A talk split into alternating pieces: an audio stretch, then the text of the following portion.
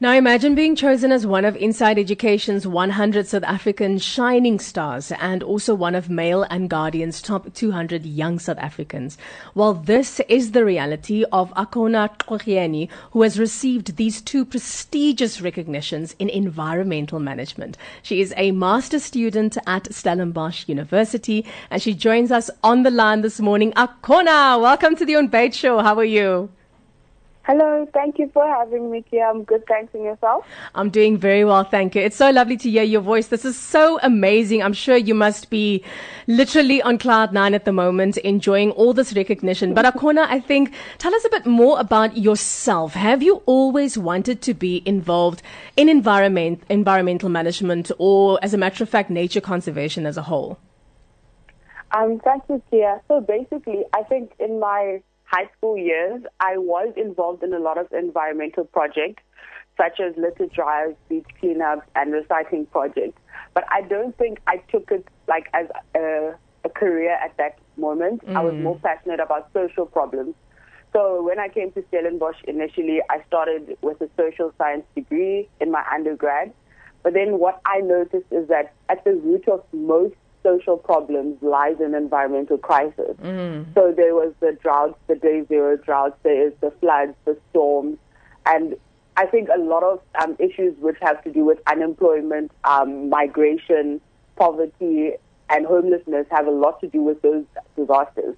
So then in my honors year, I decided let me switch over to integrate both. So what I consider myself as an environmental social scientist now is finding ways to integrate both, and especially in policies and funding, where we can attack um, both environmental and social issues at the same time. Wow. So, um, Akona, what uh, what are your biggest pet peeves when it comes to people and the environment? Oh, I think um, leaving a tap leaking like when it's just dripping. Mm. And then I think um, when there's a bin and you throw away something right next to the bin. Oh, yeah. Well, yeah. You're supposed to throw something on the ground, but just throwing something right next to the bin is one of those ones.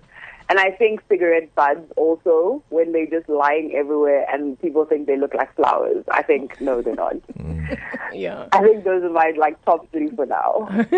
for now, yeah. so, Akona, upon receiving these recognitions, I mean, this is so amazing. What went through your mind? Thank you very much, Kia. I don't think I really believed it. Mm. I think I some, sometimes people say I'm too humble about my experience because for me, what I do is I'm very passionate about it. So it's not mostly about the recognition and the awards.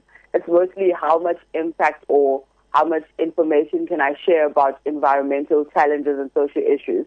So when I was recognized for the awards, I was very humbled, but also I think for me, more than anything, it was affirmation that I'm on the right track.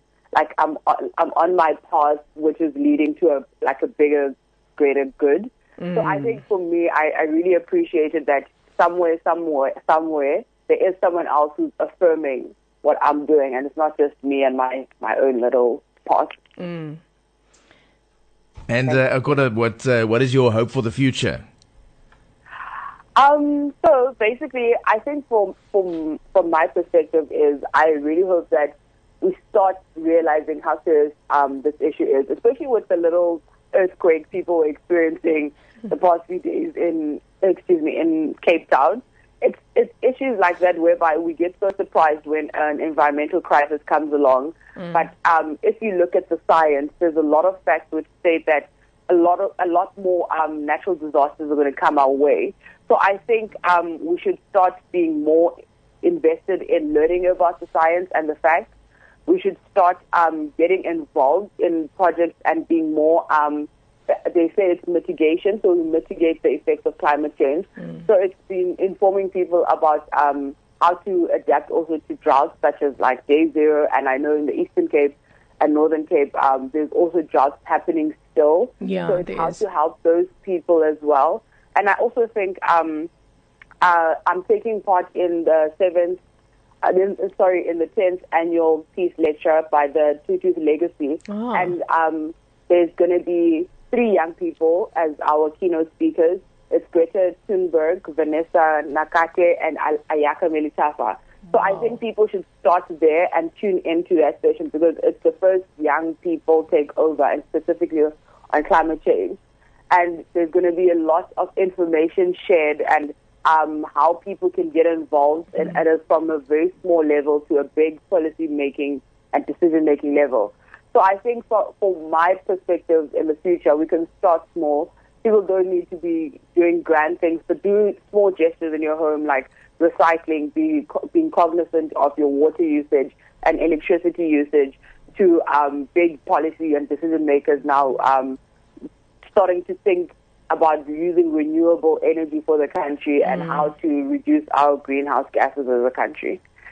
So true. We really need to mobilize ourselves. I mean, Anton and myself, we regularly chat about the fact that we still do the whole grey water thing, even though mm. there's no longer, um, you know, the, the, the day zero, um, that is currently yeah. happening in Cape Town. I mean, our dams are overflowing at the moment. I still do it. I still take the bath water, mm. it into the toilet, yeah. you know, and I try and be as reusable as I can with my water and just being mindful all the time as well. So for this, um, 10th annual Tutu peace, um, you know, you're going you're going to be the lecturer, uh, rather you're going to be the commentator for this uh, this lecture. Um, how do people go about registering for this? Um, so you can just go to the website, mm. and then there is um, and the drop down.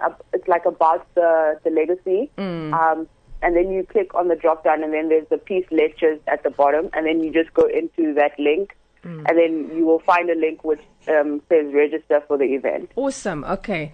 Wow, Akona, thank you so much for joining us this morning. Um, I think if anything, I don't know about you Anton, maar ek voel jy weet, ek het nou iets meer geleer hierso. Mm. Um, and it and it is all about empowering ourselves at the end of the day and I feel like you've empowered us here today. Yeah. So thank you. Absolutely. Thank you very much for having me. thank, thank you. you and enjoy your day.